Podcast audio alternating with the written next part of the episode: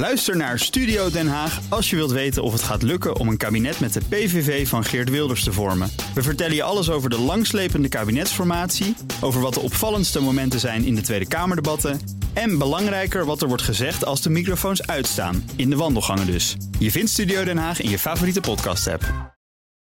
Tech Update. We gaan naar Jo van Buurik. Hey Bas en niemand, hebben jullie nou zitten gamen zonder mij? Nee, dit is hersenpong. Nee? Mhm. Pet- Hersenpong. Petri Schaal hersenpong. Oh, wauw. Binnenkort in de schaal van hebben. Ja, leuk. Sony, Schaal van hebben. ja, het is, Sony en Honda willen binnen drie jaar hun eerste auto gaan bouwen. Nou, Ja. dat is een interessant partnership. Zeker weten. Er want- werd al, werd al over gespeculeerd, Ja, toch? nee, nee, maar het is ook al een tijdje Ja. aangekondigd. De joint venture heet Sony Honda Mobility. Mhm. En ja, dat blijft interessant, want jarenlang speculeren we over die auto die Apple zou gaan maken met een OEM. Maar nu is het Sony die het toch echt gaat doen met Honda. Eh, in 2025 willen ze al een productieklare auto hebben. Dat is best gauw, dat is het nieuws van vandaag. Een elektrisch, premium, dus duur model. Exemplaren zullen dan gebouwd gaan worden in de Amerikaanse fabrieken van Honda. En de verkoop en service zal dan vooral via internet gebeuren, oftewel het Tesla-model.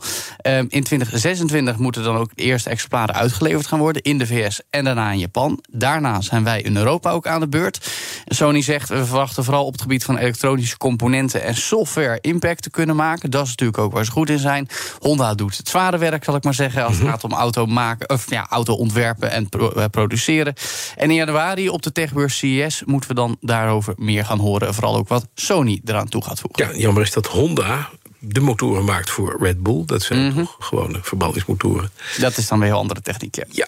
Oké, Microsoft maakt zich kwaad na een kritisch rapport van de Britse marktwaakhond over de veelbesproken giga-overname. Dat gaat over Activision Blizzard. Hè? Ja, en de 68 miljard dollar Hallo. nog een keer die daarbij gemoeid zijn. Ja.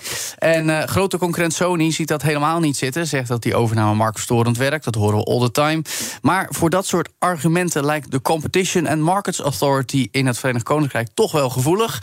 Eh, in een rapport van 76 eh, eh, eh, pagina's waarin de CMA stelt dat deze overname inderdaad voor minder competitie op de markt zou gaan zorgen. En Microsoft was eerder nog van de zachte argumenten van zo groot zijn we helemaal niet. En Call of Duty blijft ook beschikbaar op de PlayStation. Maar nu gaan Bas, zoals ze dan zeggen in Engeland, de gloves off. Want nu zeggen ze dat de bevindingen van de CMA misplaatst zijn. En dat er veel te veel geluisterd wordt naar de belangen van Sony. Die ook het belang van die game Call of Duty zouden overdrijven. Microsoft zegt zelf, eh CMA, eh, CMA is totaal niet kritisch richting Sony zelf. Eigenlijk gewoon een soort schoothondje. En ergens hebben ze daar wel een punt. Want PlayStation is al ruim 20 jaar by far de wereldwijde marktleider in de game-industrie. In ieder geval qua spelcomputers.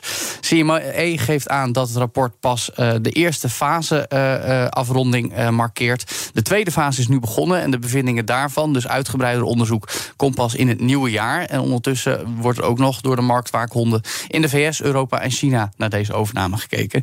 Dus het laatste woord is er nog niet over gezegd. Oké. Even, Joe, jij hebt een Android-telefoon. hè? Dat weet je van mij, Dat weet ik, ja. Ja. Nou, dan heb ik goed nieuws voor je. Je Oh. kunt eindelijk op Truth Social, dat eigen mediaplatform van Donald Trump. Yay! Hoi. En dat ga ik niet doen.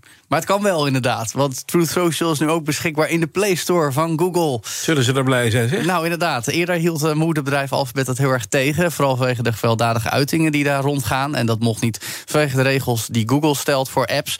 Eh, in de App Store van Apple stond hij dan weer wel. Maar nu voldoen ze toch aan de richtlijnen. Er is een afspraak gemaakt over moderatie. En dus heeft Google ermee ingestemd dat eh, eh, inhoud verwijderd kan worden. En dan True Social toch geïnstalleerd mag worden op Android-toestellen.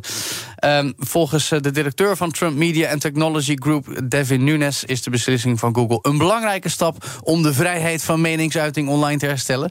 Welke andere gekke mm, persoon in Amerika, laat ik het zo zeggen, zegt dat ook alweer heel vaak? Ik moet even nadenken. Er is ook iemand die iets met een social media platform wil gaan doen. De naam ontschiet me even. Ja, mij ook. Maar hij is wel een beetje, beetje mal. De vraag is trouwens wie hier nou echt dan heeft. Want het gaat helemaal niet goed bij True Social. De beursgang via een SPAC mislukte afgelopen maand. En begin november moet er gestemd worden wat er nu moet gebeuren. De SEC, de Amerikaanse beurswaakhond, doet een onderzoek.